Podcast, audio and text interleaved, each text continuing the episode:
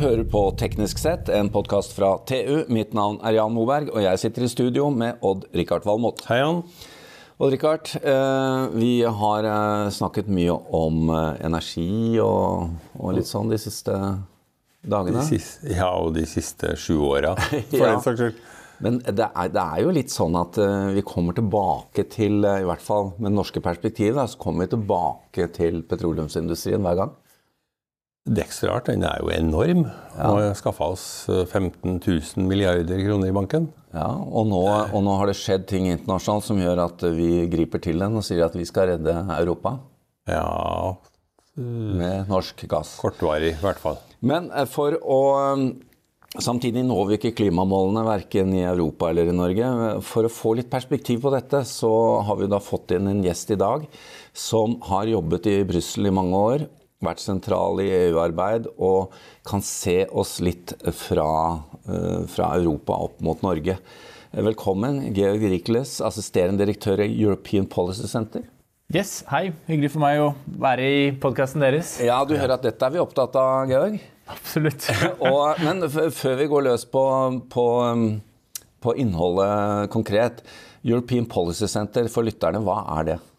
Det er en tenketank eh, i Brussel, en av de litt større tenketankene i Brussel. En uavhengig eh, tenketank som jobber da med eh, EU-politikk. Eh, stort sett alle EUs politikkområder. Altså fra eh, EU et større internasjonalt bilde, geopolitikk, geoøkonomi, til da eh, forskjellige politikkområder. Indre marked, industripolitikk, digitale skifte, ja, grønne skifte, digital, eh, migrasjonsspørsmål osv. Ja, Så du er ikke finansiert fra Norge, du er finansiert av EU, ikke sant? Det er, ikke, det er delvis finansiert av EU. altså Vi er en uavhengig tenketank. og Det betyr at vi da har en, en, en eh, eh, ja, differensiert eh, finansieringsmodell. Vi har noen store stiftelser som finansierer oss. Vi får litt EU-penger. Og så er vi et medlemsbasert multi-stakeholder, så vi har en 400 medlemmer fra, eh, eh, fra selskaper, store selskaper, noen norske, til uh, enkelte land som er medlemmer. Og så er det, det er altså foreninger som også er medlemmer. Eh, og så driver forsk- eh, oppdragsbasert forskning. Vi må jo informere lytterne Odd-Rikard, om at vi har jo hørt på Georg her. Vi har jo hørt han snakke, og, så vi kan gå rett på. Du tok utgangspunkt eh, i at i UK så fikk de ikke til den siste havvindauksjonen. Um, I Tyskland setter de på is den utfasingen av dieselbiler. Eh, vi, klar, altså vi står litt i stampe her. Hva er signalene? Har vi gitt opp kraften til å skape endring, spurte du, og svarte litt på det også. Altså, jeg tror vi står overfor eh, store omveltninger eh, i verden og i Europa eh, knyttet til en ny geopolitikk, knyttet til grønne skiftet, knyttet til det digitale skiftet. Og det det fordrer av oss, er en kapasitet for, for endring. Men denne verden preges også av utrolig vanskelige avveininger mellom i dag eh, økonomisk effektivitet, økonomisk sikkerhet, eh, klima, eh, beskyttelse av natur og sosial akseptabilitet. Og det vi nå på en måte ser fra Storbritannia, er at ingen av disse målene er lette å, å oppnå. Britene skulle ha da en auksjon for å bygge ut videre havvind. Det var ingen som bydde. Det var Ingen for lite subsidier, rett og slett. Ja, det ble for dyrt. Ja. Ikke sant? Og det man da ser i, i, Storbritannia, at de har satt seg store mål for utbygging av havvind. 50 gigawatt havvind innen 2030. De skal opp fra 14 gigawatt i dag. Men om de ikke klarer å få eh, prosjekter i gang, og til og med eksisterende prosjekter legges på is, så spøker det. For Storbritannias havvindsatsing. Det spøker for Storbritannias klimatilpassing, og det spøker for Storbritannias industri. Det er jo litt uh, samme bilde i, uh, i hvert fall i deler av uh, Europa og i Norge. Vi, det skjer ikke fort nok. Vi får det ikke til fort nok. Kostnadsbildet er, er vanskelig. Eh, prisene for det grønne skiftet går opp.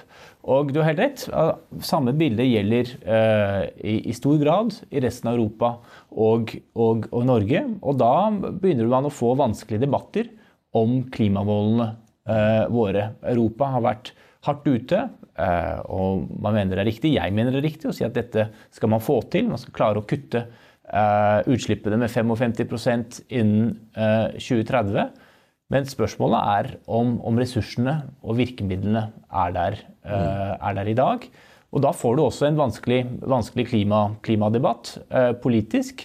Det er ikke bare at uh, vind, havvindauksjonene feiler i Storbritannia, men du har da også den britiske regjeringen som sier at ja, da må vi tenke nytt om net zero-målene våre. Vi må tenke nytt om utfasing av dieselbiler. Eh, du har da politisk eh, en tanke som går ut på å si at klima kan ikke koste den jevne mann som blir eh, dominerende. Nei, du får motkrefter. Mm. Du får kraftige, store eh, motkrefter. Bare, Du har jo også vært inne på det. Gode, gamle, kaller det det. Internasjonale energibyrået IEA sa jo, det er noen år siden, de hadde fire punkter om hva som må gjøres for å nå klimamålene. Altså, i, for to-tre år siden, under pandemien, så kom uh, Det internasjonale energibyrået med en rapport som het uh, 'The Path to Net Zero', eller 'Net Zero in 2050'. Og det var en tid med en form for optimisme, vil jeg nesten si. Uh, for det, under pandemien så oppdaget man etter hvert at man hadde en kapasitet til endring. Til endring. Man hadde kapasitet til å ta vanskelige valg på alle ja. plan og ta store løft sammen. Og så tenkte man at ja, dette vil man da også klare på eh, klima. Ikke bare det at utslippene gikk ned med pandemien, man tenkte at disse laftene klarer man. Så de hadde da en, denne rapporten som var en optimistisk rapport. Dette er veien. Uh, og det er mye kompleksitet i den rapporten, men de pekte som du sier, på fire hovedting som er helt uh, avgjørende for å få det til. Og det ene er karbonprising. Det andre er investeringer. Tredje er teknologi. Og det fjerde er internasjonalt samarbeid. Hvis vi ser på hvor vi står i dag, forhold til disse fire punktene, så er det dessverre slik at vi sannsynligvis feiler på alle fire. Det er dramatisk. Ja, det er dramatisk. Så vi, hadde, vi fikk US IRA eh, i fjor. Eh, US IRA er eh, blitt feiret av mange som den beste klimanyheten for lenge. Mm på lenge.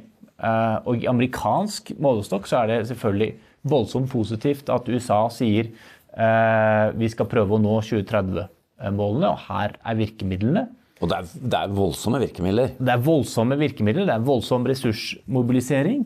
Men samtidig som man ser på det her som eh, økonom, eller om man ser på det her som fra verden som helhet, så er jo den mest effektive måten og handle og klima er å sette en pris på karbonutslipp, på CO2-utslipp. Per i dag så har du bare 30% av verdens utslipp som eh, møter noen form for karbonprising, mm. enten det er kvoter eh, eller det er avgifter. Og bare 4% av verdens utslipp som har, møter en pris som tilsvarer 2030-målene eh, eller Parisavtalens eh, forpliktelser. Og eh, det, det, var vel også noe du var inne på, at, at IRA, som har dette klimaet Selvfølgelig en, en stort klimaavtrykk eller motivasjon, men det er også snakk om å bringe altså bringe kapasitet hjem for, til USA, og ikke være så avhengig av Kina og ja, altså, i, man, man, kan kritisere uh, Bidens IRA, man kan feire Bidens IRA, men jeg tror det er viktig å se de fulle dimensjonene av hva som motiverer det. Og det handler selvfølgelig om klima, som sagt. Mm. Det handler om konkurransen uh, med Kina. Og så handler det om å få liv i amerikansk uh, økonomi og hele et splittet Amerika. Få liv i rustbeltet.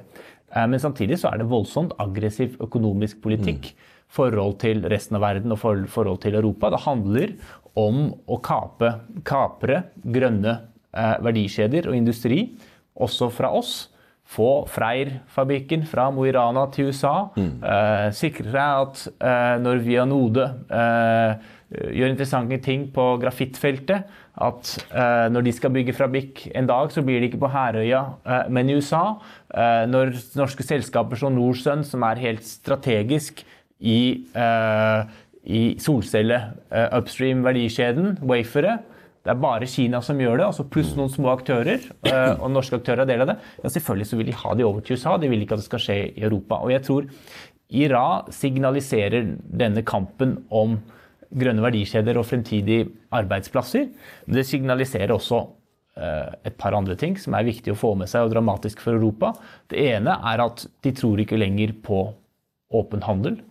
Eh, WTO-systemet er døende. Eh, den konsensusen rundt frihandel eh, er, er, eh, er ikke lenger dominerende. Kina og USA spiller utenfor de reglene. Og så tror jeg det er et veldig viktig sikkerhetsperspektiv som USA også legger til grunn Eh, gjennom politikker som US-IRA, men også andre uh, politikker sånn som Chips Act, uh, ny uh, sikkerhetsdoktrine som de har rundt, rundt, teknologi. Og det er at USA ser for seg et mulig konfliktscenario. Ja. Et mulig konfliktscenario med Kina. Mm. Og det de da skal, det de skal gjøre, er å bringe råvarer, teknologi, verdikjeder, industri, hjem. hjem. Mm. Få det til Nord-Amerika. Og det er også et dramatisk bilde for, for Europa. Uh, bare to ord om Kina. fordi uh, Når jeg sitter og ser på og dette er mye vi hører, Hvorfor i all verden skal vi drive med klimakutt og grønne verdikjeder når uh, i Kina og India overalt så bare pøser det på, det utslippene fyker til himmels, mens i Europa, USA og andre steder så klarer vi å få det i hvert fall stabilisert. Men samtidig så sitter vi og ser på et Kina som lykkes med veldig mye. Da. Det er jo ikke noe annet sted hvor det bygges mye, like mye vind, og de får ned prisen på vind. Og, og, altså det, hvordan skal vi tenke på dette? Det er jo et kaotisk bilde. Det er et, det er et kaotisk bilde, absolutt. Eh, jeg tror vi får en, en, veldig vanskelig klimadebatt i Europa, ikke bare i, i, USA, men i Europa i tiden fremover, knyttet til dette Asia- og Kina-bildet. Altså Innen 2030 så skal vi kutte 1,65 milliarder tonn CO2 i Europa for å nå eh, våre klimamål. Eh, og eh, klart at det koster eh, trillioner. Eh, det eh, betyr greenflation, altså pris, noe for prisbildet. og det har store konsekvenser for industri. I samme periode, altså frem mot 2030, så kommer Asia til å øke utslippene sine 1, med 1,65 milliarder tonn annethvert år. Mm. Så det vi skal kutte innen 2030, det plusser de på to år av gangen. Og da kommer mange til å si ja, men hvorfor skal vi eh, gå gjennom dette her eh, hvis eh, pilene peker andre veien eh, andre, andre, steder. Samtidig, når du sier det er et kaotisk bilde, så er Eh, og Kina bygger ut kull i voldsom skala i dag, ja, som bidrar til disse ja. utslippene. Men samtidig så viser de også en voldsom evne til ressursmobilisering og handling innenfor disse nye økonomiene som man ikke ser maken til uh, i, i, Vesten. Altså, fornybar er ett eksempel. På uh, fornybar per i dag så er det slik at Kina bygger ut mer fornybar uh, kapasitet i året nå enn USA, Europa og India til sammen. Mm. Selv om altså, kinesisk økonomien er halvparten så stor som USAs, Europas og Indias til sammen. Et annet eksempel er eh, hva som skjer på elbilmarkedet nå. Eh, hvor de, det kommer en bølge eh, over oss. Et annet eksempel er høyhastighetstog.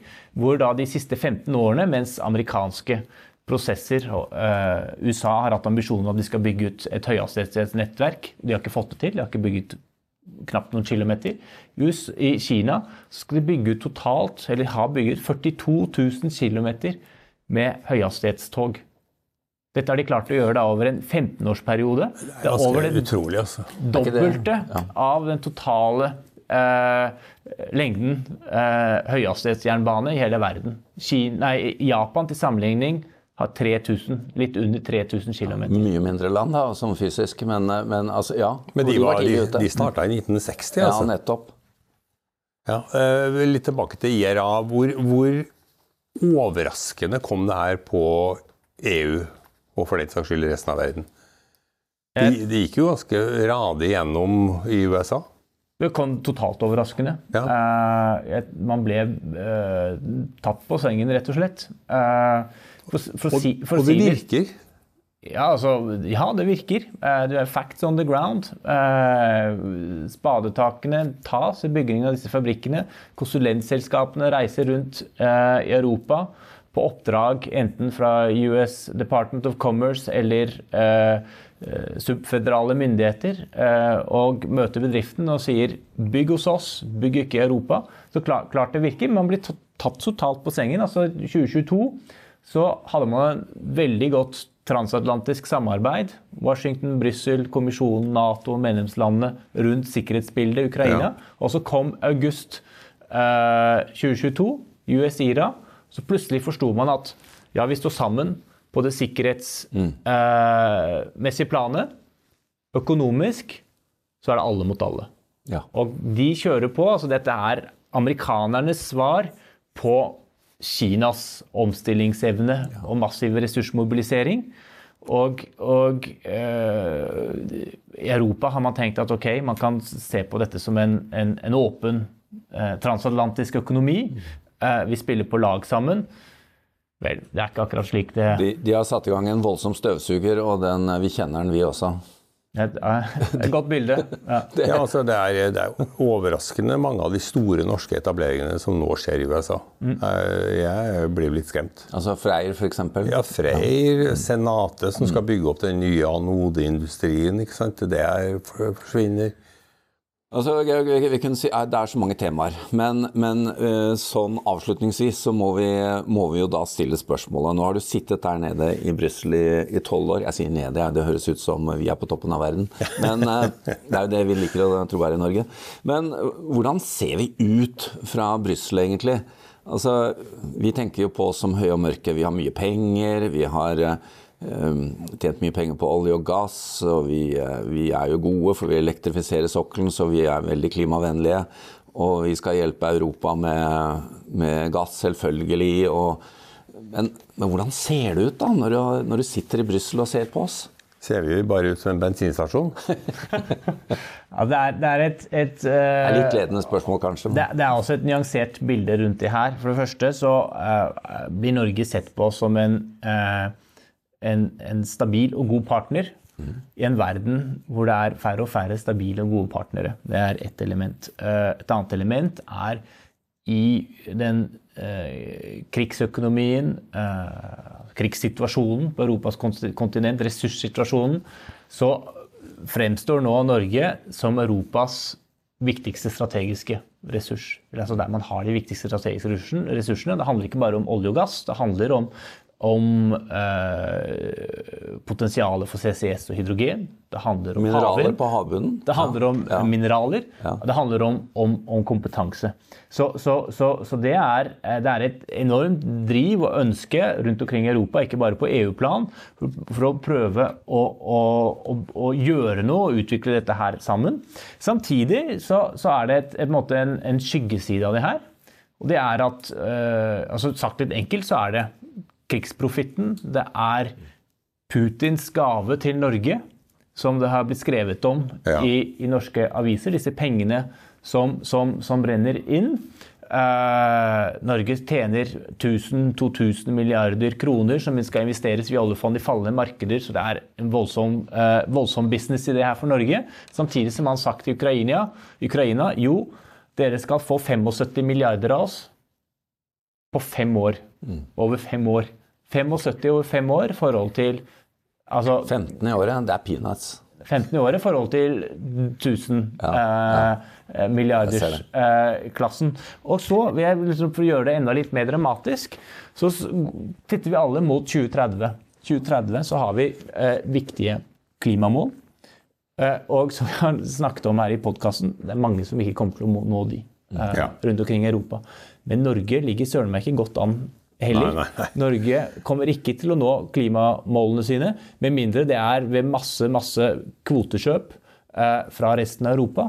Men jeg tror nå som vi går mot 2030, så er det veldig mange land rundt omkring i verden, og også i Europa, som kommer til å etter hvert se mer og mer på Norge og si dere har hatt ressursene, eh, dere har pumpet opp eh, olje og gass, altså hatt ressursene, mulighetene til å bygge en ny økonomi, havvind, eh, vannkraft osv. Dere har pumpet opp masse olje og gass.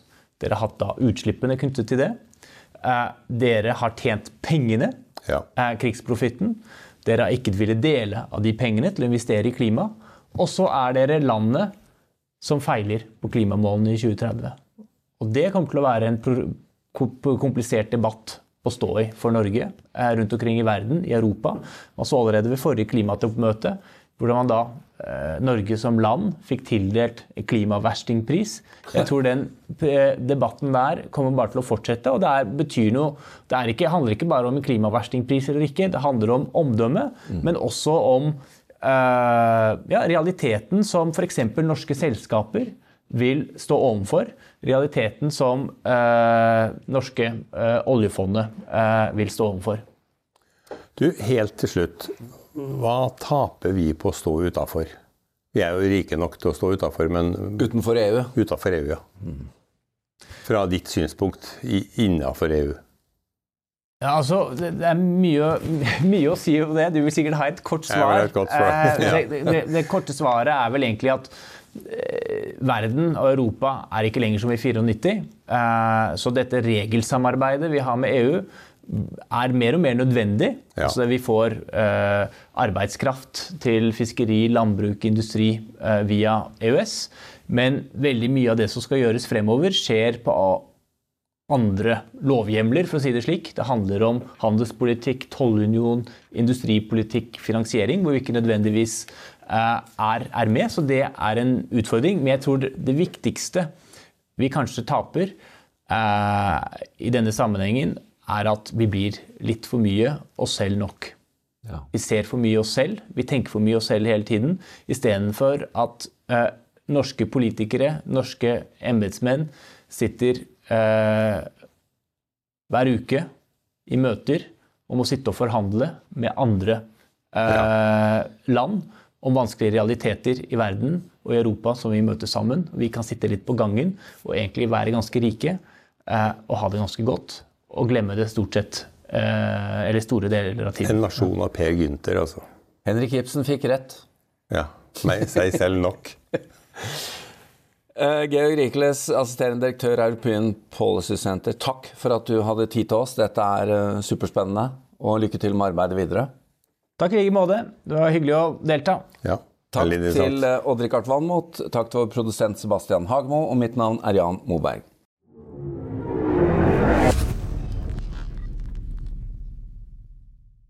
Hallo? Jeg kommer fra Oslo politikammer.